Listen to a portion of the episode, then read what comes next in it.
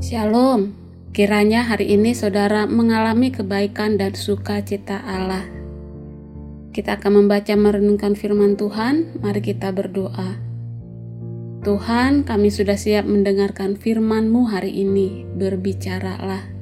Dan tolong kami untuk bisa mengerti dan menjalani hari ini seturut kehendak dan rancangan-Mu yang baik, mulia bagi setiap kami. Dalam Yesus Kristus, Juru Selamat kami yang hidup. Amin. Pembacaan Alkitab hari ini dari 1 Korintus 13 ayat 4 sampai 13. Saya akan bacakan ayat 8. Kasih tidak berkesudahan, nubuat akan berakhir, bahasa roh akan berhenti, pengetahuan akan lenyap. Kasih sejati menegur dan mengampuni ada begitu banyak hal yang kita sebut kasih, padahal tidak setara dengan makna dan peranan kasih. Rela menerima apa yang salah di mata Tuhan mungkin menciptakan damai di permukaan, tetapi kasih tidak seperti itu. Bersedia hidup di tengah kejahatan dan tidak berulah mungkin membuat kita disukai orang, tetapi itu bukan kasih. Mengatakan tidak apa-apa, jangan dipikirkan. Kepada orang yang berbuat salah, itu bukan benar-benar mengasihi. Mempertahankan kedamaian berapapun harganya tidak sama dengan kasih. Tetap diam ketika kita seharusnya bicara, bukanlah tindakan kasih.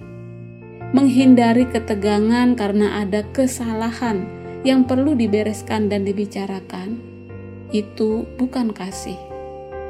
Meminta orang untuk bertoleransi dengan apa pun yang kita ucapkan atau perbuat karena orang itu mengasihi kita adalah kesalahpahaman fatal tentang kasih dan peranannya. Banyak yang kita sangka kasih, namun yang sebenarnya bukan.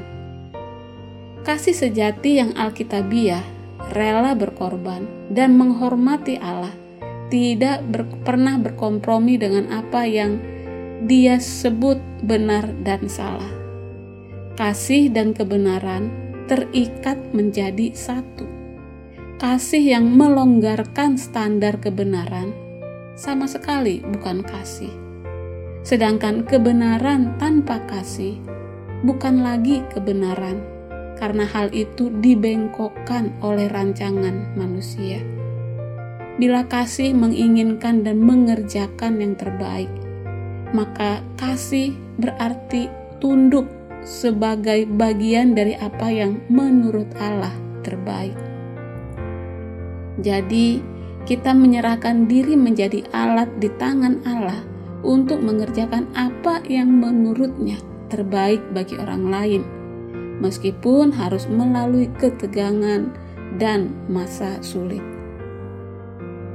Seringkali kita cenderung diam, menghindari persoalan, dan membiarkan hal yang salah, bukan karena kita mengasihi orang lain, tetapi karena kita mengasihi diri kita sendiri dan tidak mau repot-repot berurusan dengan apa yang jelas-jelas Allah sebut keliru. Kita tidak bersedia berkorban banyak, padahal itulah yang dibutuhkan dalam kasih sejati. Ini bukan gol membenarkan diri, suka menghakimi, mengkritik, dan mengutuk, melainkan tentang keputusan untuk tidak mengabaikan yang salah.